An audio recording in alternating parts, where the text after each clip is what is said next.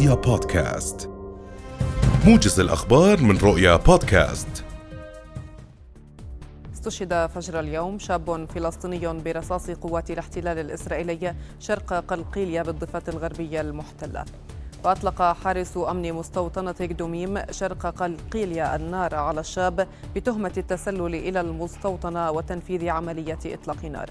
هذا وذكرت وسائل إعلام عبرية بأن جيش الاحتلال فعل صفارات الإنذار في المستوطنة خشية تسلل مقاومين مع إصدار تعليمات للمستوطنين بالتزام المنازل.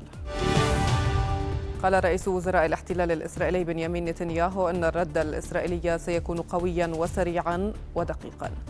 وأدلى نتنياهو بالتصريحات خلال اجتماعه مع المجلس الوزاري المصغر للشؤون السياسية الأمنية بشأن الهجوم الذي وقع يوم الجمعة. مبينا أن الاحتلال لا يسعى إلى التصعيد لكنه مستعد لأي سيناريو مشيرا إلى إجراء اعتقالات واسعة النطاق وتعزيز وجود قوات الاحتلال الإسرائيلي في مواقع عدة. تواصل لجنة العمل والتنمية الاجتماعية والسكان النيابية مناقشة مشروع قانون معدل لقانون الضمان الاجتماعي لسنة 2022 وزير العمل رئيس مجلس إدارة المؤسسة العامة للضمان الاجتماعي يوسف الشمالي قال إن التعديلات المقترحة على مشروع القانون لن تؤثر في أموال المؤسسة. فيما بين مدير عام المؤسسة محمد الطراوني أن القانون بمجمله يتضمن 16 تعديلا بعد الدراسات الاكتوارية عليه فضلا عن مواد بسيطة تتعلق بمجملها بتسهيل تقاعد العسكريين. قرر مجلس التعليم العالي قبول 14303 طالب وطالبة من خريجي الدورة التكميلية في بداية الفصل الدراسي الثاني. وقرر المجلس قبول الطلبة في الجامعات الأردنية الرسمية إضافة إلى جامعة العلوم الإسلامية العالمية بداية الفصل الدراسي الثاني القادم 2022-2023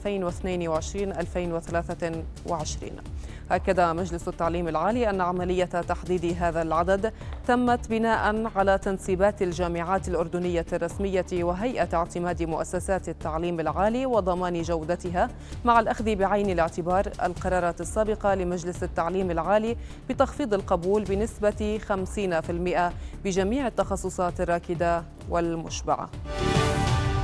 دعي نحو سبعة ملايين وثمانمائة ألف ناخب تونسي للتصويت اليوم في الدورة الثانية من الانتخابات التشريعية لاختيار أعضاء برلمان محدود الصلاحيات ويتنافس 262 مرشحا على 131 مقعدا في البرلمان الجديد خلال انتخابات تمثل المرحلة الأخيرة من خريطة طريق فرضها الرئيس قيس سعيد وأبرز ملامحها إرساء نظام رئاسي معزز.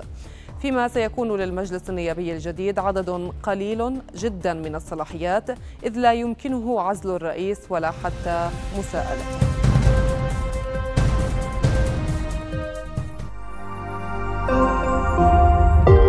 رؤيا بودكاست